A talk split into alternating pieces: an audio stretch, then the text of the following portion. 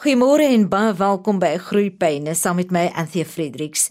Nou verlede week het ons gesels oor COVID-19 en die pandemie se emosionele impak op ons kinders. En vandag sit ons die tema voort. Vandag gesels ek met spraakterapeut Jacqueline Brits en ek wil by haar weet watter impak die dra van gesigmaskers op kinders se luistervaardighede gehad het. Jong ja, by ons kinders op hierdie stadium sien ons geweldige impak wat COVID-19 gehad het. Ons maatjies wat in 2020 onder andere jou pregraad R was, wat die graad RR was, is maatjies wat op daai stadium geleer het hoe om te luister, geleer het hoe om taal aan te leer. En dan sien ons nou by ons maatjies wat in graad 3 is, wat in graad 1 was in 2020 toe hierdie hele pandemie ons getref het, hoe hulle geweldig sukkel om te leer want hulle het nie die agtergrond wat luistervaardighede vir hulle veronderstel was om te leer nie en hulle het nie die agtergrond wat taal hulle taalverryking was nie so sterk geweest nie omdat hulle eendag by die skool was, eendag af plus die juffrouens het maskers gedra. So dit het 'n groot impak gehad op ons kleinspan, ons kleintjies wat in die kleuterskole was, alhoewel hulle 'n bietjie meer vryheid gehad het in terme van hulle kan by die skool wees, was daar mos nou die verskriklike maskers wat almal moes gedra het. En dan is daar nou die maats by die laerskole wat 'n verskriklike impak daar is wat ons sien op hierdie stadium met die toetse wat ons by die skole doen, um onder andere wat die impak was op hulle taal en die, en hulle luistervaardighede. Jy verwys nou telkens na gesigmaskers en nou vir 'n leek soos ek as ek nou die kloutjie by die oor moet kry, want het gesigmaskers te doen met luistervaardighede of die vermoë om te kan luister? Goed so luistervaardighede is iets wat aangeleer is. Ons almal word gebore of meeste van ons word gebore met die vaardigheid om te kan hoor, maar om te luister is iets wat aangeleer word. Luistervaardighede is nie iets wat natuurlik kom nie. En ons klein span wat nou juffrouens gehad het wat maskers gedra het, het gesukkel om te leer om te luister want daar's visuele leidrade. En visuele leidrade is byvoorbeeld hoe word klankies gevorm met my lippe? En bo en dit by die by ons maats by laerskole, by byvoorbeeld ons graad R en ons graad 1s, het hulle gesukkel om te luister of om te leer om te luister want daar was baie meer komponente en hierdie komponent noem ons auditiewe prosesering. En auditiewe prosesering is die brein se manier om auditiewe stimule of auditiewe syne, met ander woorde dit wat ek hoor, te interpreteer en te prosesseer. Nou ek kan jouself net indink as iemand 'n masker dra, interessant genoeg die studies wys dat iemand wat 'n masker dra, se spraak wat hulle weergee vir die luisteraar, is dit soos iemand wat 'n hoë frekwensie gehoorverlies het. Daar was ook geen reëls gewees rondom watse tipe maskers gedra mag word nie. Sommige juffrouens het N995 maskers gedra, sommige juffrouens het hierdie lapmaskers gedra wat 3 3 dubbele lae gehad het. Ek meen daar was soveel reëls wat vir ons gegee is, maar daar was geen uiteensetting gewees veral onder skole nie. En die navorsing het gewys vir al die N95 en daai 3 lae lapmaskers, dit wat die kinders sou gehoor het eh, in in al klaar lawaaierige omgewing is ekwivalent aan 'n hoë frekwensie gehoorverlies. So hulle het al klaar gesukkel om te hoor wat juffrou sê en nou moet hulle leer hoe om klanke te prosesseer. So ons kleintjies het gesukkel om te luister na instruksies en hoe om taal, so wat ons sien op hierdie stadium is dat ons kleintjies wat nou in graad R sit en en pregraad R is, ehm um, wat se juffrouens maskers gedra het in die kleuterskole, se taal en spraak is grootliks geaffekteer. Byvoorbeeld die uitspraak van klanke, die S ehm um, nie noodwendig die R nie, maar sekere klanke, hoe hulle die klankies sê en hulle woordeskat is hoofsaaklik geïmpakteer. Maar met ons laerskoolmaats, iets wat regtig baie na my hart is en iets waarna ons baie hard werk, is auditiewe prosesering. En dit wat daar 'n uh, groot rol gespeel het met die maskers is dat auditiewe prosesering het baie agtergebly. Onderwysers is opgelei om sekere vaardighede vir kinders aan te leer. Nou is hierdie vaardighede huis toe gaan en mammas en pappas moes daai vaardighede vir kinders aangeleer het. So selfs al het van ons graad 1 maats byvoorbeeld toegang gehad tot direkte kommunikasie met mamma en pappa, het mamma en pappa nie eintlik 'n idee waaruit auditiewe prosesering bestaan nie. So auditiewe prosesering net om ons 'n bietjie op te breek en vir die luisteraar 'n bietjie 'n idee te gee van hoekom die impak van maskers en byvoorbeeld COVID oor die algemeen so groot was op ons maats. Moet ons moet ons eintlik verstaan Eerstens, wat is auditiewe prosesering en hoekom is dit so belangrik? En dalk, net dalk gaan dit vir een of ander luisteraar of een of ander mamma of pappa 'n uh, liggie laat aangaan oor hoekom sukkel my graad 3 kind op hierdie stadium om te lees en te spel. So eerstens in auditiewe prosesering kyk ons na auditiewe diskriminasie. So diskriminasie is die vermoë om voorgrond en agtergrondklanke van mekaar te kan onderskei of om klanke te kan diskrimineer, het sy dit dieselfde klink of dit verskillend klink? Is dit 'n harde geluid, 'n sagte geluid of wat is die die geluide wat hulle hoor? As 'n kind, jy kan nou maar net jouself indink as jy in 'n lawaaierige omgewing is plus juffrou dra 'n masker, is die auditiewe diskriminasie van woorde byvoorbeeld kat en gat. Wanneer daar nie 'n visuele leidraad is vir 'n kind om te sien hoe word die klank uitgespreek nie, al klaar moeilik, maar nou moet hulle daai woordjies skryf. En waarskynlik sou hulle gesukkel het om die diskriminasie te doen. Ehm um, dan is daar verder wat ons wil hê die kinders moet leer om te rym. Hulle moet kan rym in in in graad R en graad 1. En ons wil hê hulle moet kan hoor klink dak en of kos gee 'n ander voorbeeld doek en koek klink dit dieselfde of klink dit verskillend. Maar nou weer eens by die impak van die masker kan dit wees dat daai diskriminasievaardighede 'n bietjie moeiliker was. So 'n kind moet kan leer om auditiewe diskriminasie te doen, wat dan nou uiteraard baie moeilik was met die maskers. Die tweede ding is sintese en analise. Sintese is waar ons klanke uitmekaar uithaal of nee, sintese, ekskuus, is waar ons klanke bymekaar voeg. Met ander woorde, ons sintetiseer twee woorde soos reën en boog en dit maak vir ons reënboog. En ons sê ven en ster en dit maak vir ons venster. En dan op die einde sintetiseer ons foneme wat byvoorbeeld k, a en t is en dit maak vir ons kat. Dit leer hulle dan nou in graad R en graad 1. En dan is daar analise en analise is nou daai wat ek bedoel eerstens gesê die opbreek van klanke. Byvoorbeeld eers die opbreek van ware woorde, reën en boog is twee komponente, twee woorde en dan venster, ven en ster is twee klappies en dan kan ons dit opbreek en ons kan sê wat hoor jy as ek sê kat byvoorbeeld ons breek dit op in ons spel en ons kan sê kat bestaan uit 'n k, 'n a en 'n t of 'n k, 'n a en 'n t. So daai was analise en sintese. Weereens, jy kan jouself net indink die impak wat 'n masker dan nou gehad het. Um, en dan nou die aan en af want mamma en pappa moet nou probeer om vir 'n kind te leer om te um, om te spel en lettergrepe te doen. Maar hulle het geen idee dat daar 'n hiërargie van ontwikkeling is nie. Dat eerstens moet 'n kind kan ware woorde saamvoeg en dan lettergrepe saamvoeg en dan eers kan hulle klanke saamvoeg en dieselfde met die analise, eers ware woorde, lettergrepe en dan klanke analiseer. Ehm um, so met sintese en analise was daar die auditiewe sluiting Auditiewe sluiting is waar jy vir hulle byvoorbeeld 'n sinnetjie lees en jy wil hê hulle moet die die woord die sinnetjie klaarmaak. Byvoorbeeld as daar 'n prentjie is en dit is 'n kat wat op 'n dak sit, sal jy sê die kat sit op die dak en hulle moet die auditiewe sluiting daarvan doen. So luister jy mooi na die sinnetjie en kan jy die sinnetjie vir my klaarmaak. Dieselfde gebeur as ek byvoorbeeld sê vliegtuig, die kind moet die woord vir my kan klaarmaak. Hy moet hom kan sluit. Auditief moet hy hom kan sluit. Weerens as daar 'n uh, kommunika kommunikasie afbrake is met as gevolg van die maskers, dan sukkel die kinders ook met met spelling. En dan is daar ook auditiewe geheue. Auditiewe geheue is een van my gunsteling goedjies om aan te werk met kinders, want ons kom agter al hoe meer dat kinders sukkel geweldig met auditiewe geheue.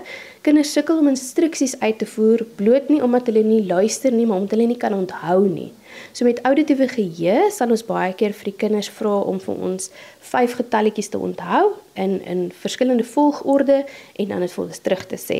So dit is herroeping en geheue en dan natuurlik die die uit op auditiewe opeenvolging is waar hulle die instruksies moet kan uitvoer. Byvoorbeeld, ek sal vir hulle sê hierso 'n prentjie, uh, maak vir my 'n rooi sirkel om die kat en 'n rooi kruisie op die vis maar jy moet kan onthou in presies wat se volgorde daai gesê is. Nou weer eens die impak was relatief groot en ons sien dit op hierdie stadium onder ons kinders. Toe COVID-19 nou uitbreek die pandemie wêreldwyd, het ons op daardie stadium soos jy nou alles verduidelik het, as ons nou 'n terugblik gee, nie op daardie stadium geweet presies wat die impak sou wees nie. En jy het dit nou baie mooi vir ons uiteengesit, Jacqueline. Hoe maak ons dit reg? Ja, so op hierdie stadium sien ons met ons maats dat die kinders sukkel geweldig weer eens met luistervaardighede. Luistervaardighede oor die algemeen is iets wat baie aandag geniet het voor Covid. So voor Covid het ons al klaar gesien dat daar 'n afname is in algemene ontwikkeling van luistervaardighede en auditiewe persepsie, want die kinders word gebombardeer deur visuele stimulasie. So oral waar ons ingaan in klaskamers, daar word vreeslik baie aandag gegee aan visuele stimule wat nodig is vir die kleintjies, maar hoe ouer kinders raak, hoe meer is hulle afhanklik van auditiewe stimule om te kan onthou en te leer en te luister. En selfs in ons ons kleuterskole byvoorbeeld, tot my spyt baie keer sal ons in klaskamertjies instap en dan is hulle besig om video's te kyk. Ehm um, baie van die lessies word deesdae aangebied deur middel van media. En wat 'n mens graag wil sien is is dat jy weet selfs al voor Covid het ons gesien dat dit is is besig om om die plek te vat van auditiewe stimulasie.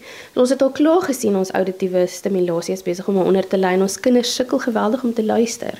En as gevolg van die feit dat auditiewe prosesering so daaronder lê, sukkel kinders om te spel en te lees en te skryf.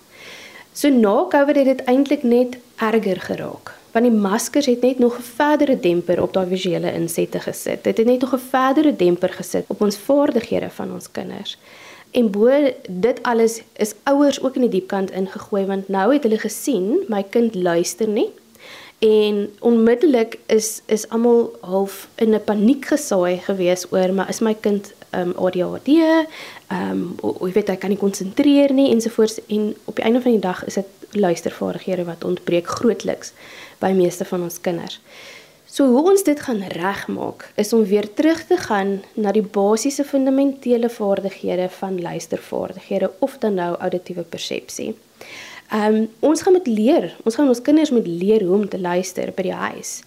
Een van die goedjies wat ek altyd vir die onderwysers sê by die skole waar ons werk is dat dis baie belangrik, is van kardinale belang dat jy probeer om 'n instruksie nie meer as een keer te sê nie. OK, gegeewe, dis baie moeilik, die klasie raas, mense moet eers hulle aandag kry. So moenie die instruksie bo oor die geraas gee nie. Dieselfde by die huis. Moenie 'n instruksie bo oor die lawaai gee. As die radio aan is, mamma's besig om te kook en die extractor fan van die pot is aan, ehm um, boetie speel dalk in die agtergrond en nou gee jy 'n instruksie en jy verwag van jou kind om daardie vermoë te hê om die instruksie te volg nie. Natuurlik gaan jy die instruksie meer as een keer sê en die derde keer wat jy daai instruksie gaan gee, gaan jy met 'n choir stem gee en jy gaan amper bietjie meer uitdruk. En dis dan wanneer die kinders luister, want eintlik het jy dit mos nou maar opgebreek. Gaan hol jou skoene. So dan jy mos die instruksie nou vir hulle baie mooier en makliker gemaak byvoorbeeld. So ja, so dit is een van die die dinge wat ons kan doen is definitief om vir kinders te leer om beter te luister. Ehm um, die eerste keer en dan vir hulle 'n beloning te bied as hulle die eerste keer die instruksie gevolg het en mooi geluister het en dan begin ons te raas en dis nie noodwendig die beste benadering tot hierdie probleem nie.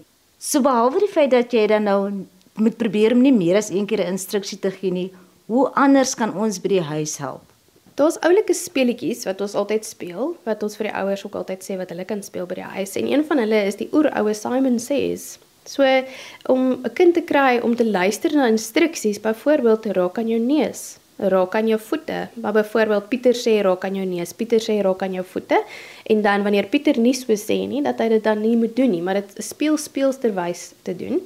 'n Ander manier is wat ek baie keer met my seentjie doen as ons ry in die kar, dan sal ek byvoorbeeld vir hom vyf nommertjies sê. Ek gaan vir hom sê ek gaan nou weer vir hom 'n geheime kode gee.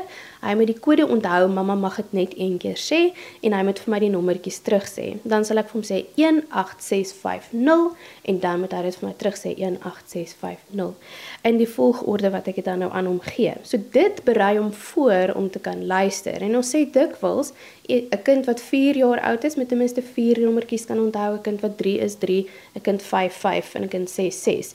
Ehm um, selfs as volwassenes, as jy hierdie speletjie gaan speel, gaan jy sien van die volwassenes kan nie eers daai auditiewe geheue doen met 6 nie.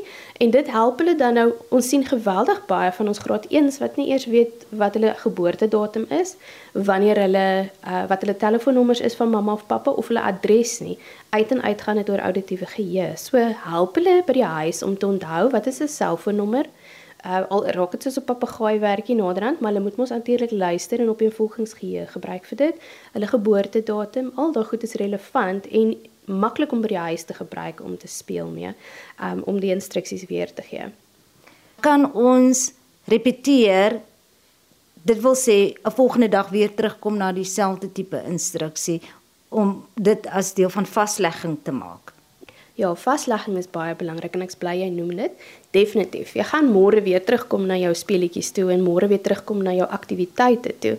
Ehm um, wanneer ek sê moenie 'n instruksie meer as een keer gee nie of probeer altans, is dit byvoorbeeld as jy vir hulle sê gaan haal jou kosblik uit jou tas uit en sit dit vir my in die wasbak.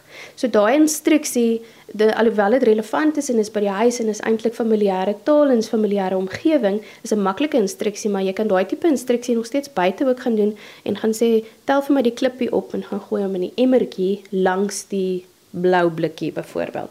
Daai is 'n bietjie meer 'n uh, uh, instruksie wat nie alledaags is nie, maar daai instruksie gaan jy nie weer eers wil sê nie, gaan sê kom ons kyk hoeveel hoeveel van daai instruksie kan jy onthou die eerste keer en dan sal ek dit herhaal as jy nie kan onthou nie.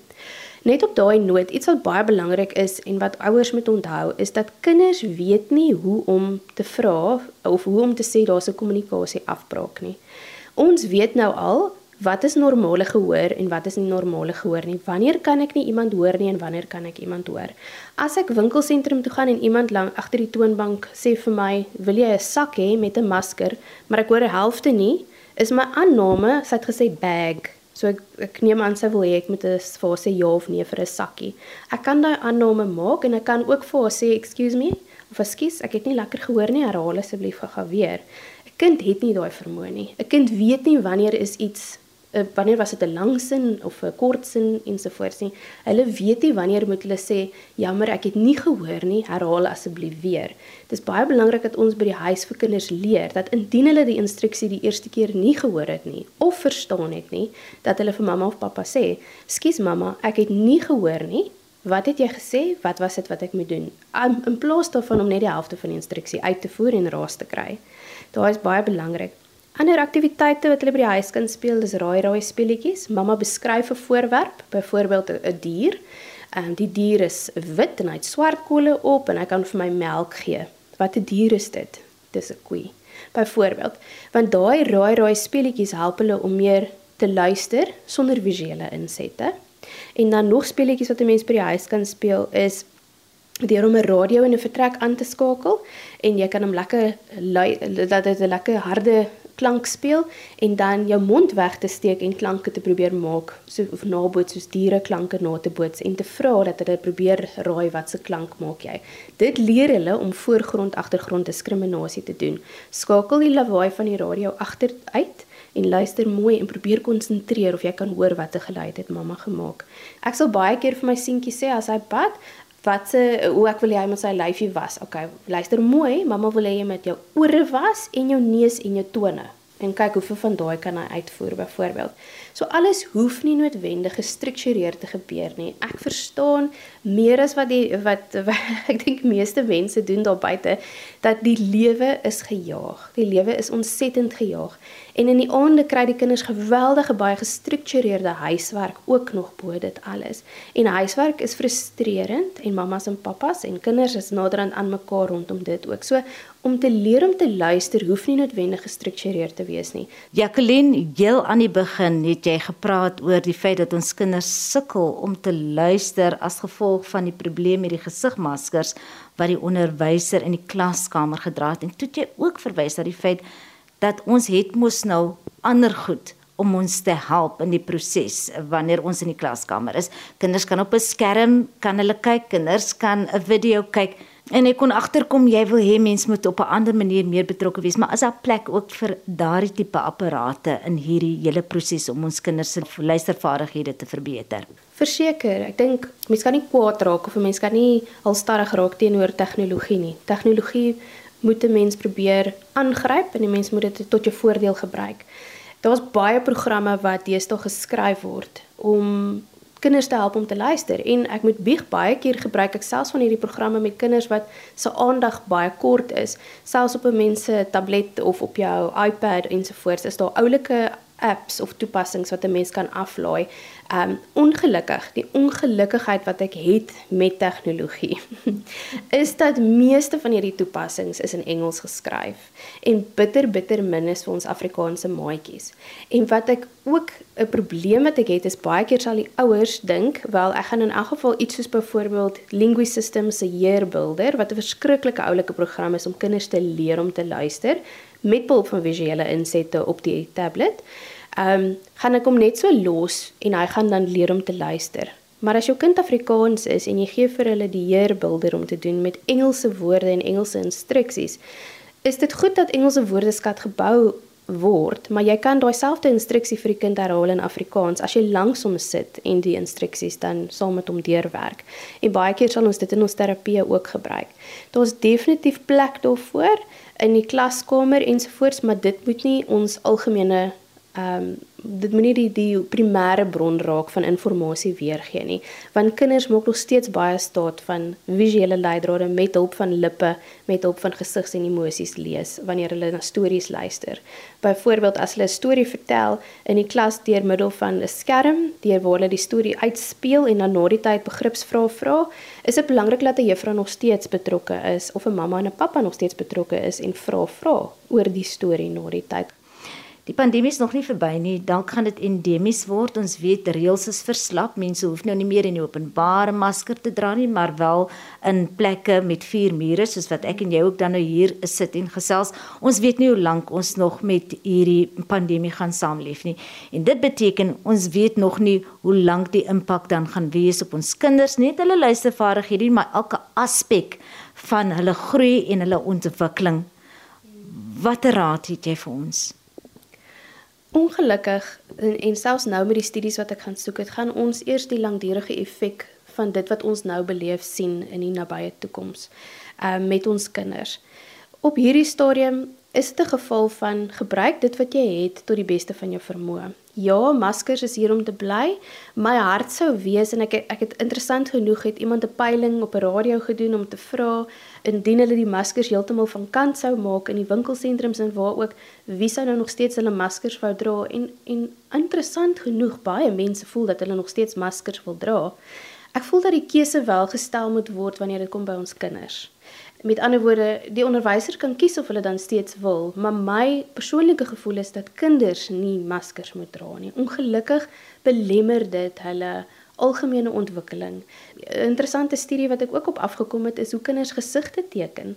Die kinders wat byvoorbeeld nou moet begin om gesiggies te teken, selfs my eie kind wat nou 4 jaar oud is, wat vanaf die pandemie begin het toe hy 2 jaar oud was, hoe hy 'n gesiggie nou teken is die oë is baie prominent en hy vergeet dikwels om die neus en die mond te teken of hy sal 'n masker teken.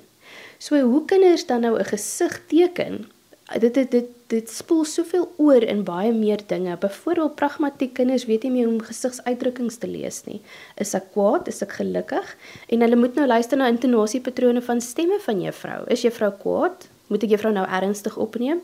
Want ek kan nie gesien hoe haar gesig lyk nie. En haar gesig bestaan nie net uit haar oë uit nie. Dit bestaan uit haar neus en haar mond ook om vir ons die hele prentjie te skets. So ongelukkig sit ons nou in die bootjie waar ons is. My hart sou wees dat maskers heeltemal in skole moet wegval. Um, in hoërskole kan dit bly, maar in laerskole dit die impak wat dit het in kleuterskole en laerskole is ongelooflik groot. Um, en ek dink ons gaan ongelukkig nog 'n rukkie langer sien wat die impak nou is met al die studies wat uitkom. En dit is nie goeie goeie goed wat nou noodwendig uitkom nie. Maar die raad wat ek het is gebruik wat jy het. So met ander woorde, As dit jou gaan help om 'n toestel te gebruik om harder te praat in 'n klaskamer wat relatief hol klink, wat se akoestiek sleg is, dink daaraan om dit miskien aan te skaf. En by die huis ook, leer jou kinders hoe om te luister na mense wat selfs al het hulle 'n masker aan, om auditiewe diskriminasie te doen terwyl jy jou mond toe hou en vra hoor jy 'n m of 'n n en kyk dat hulle oortjies fyner spits byvoorbeeld. Maar ja, die realiteit is ons is ongelukkig in hierdie pandemie. Ons weet nie wat môre vir ons inhou nie. Môre verander dinge weer heeltemal anderste. Ehm um, en op hierdie stadium is dit letterlik 'n ding van vat dit dag vir dag, maar onthou die impak wat dit gaan hê op jou kinders en probeer dan iets doen om te help. Teken nog steeds prentjies by die huis met 'n neus en 'n mond te maak seker hulle verstaan dat dit is hoe gesig lyk. Baie baie dankie vir 'n heerlike gesprek. Het my oë en ook my ore oopgemaak. Baie dankie vir jou.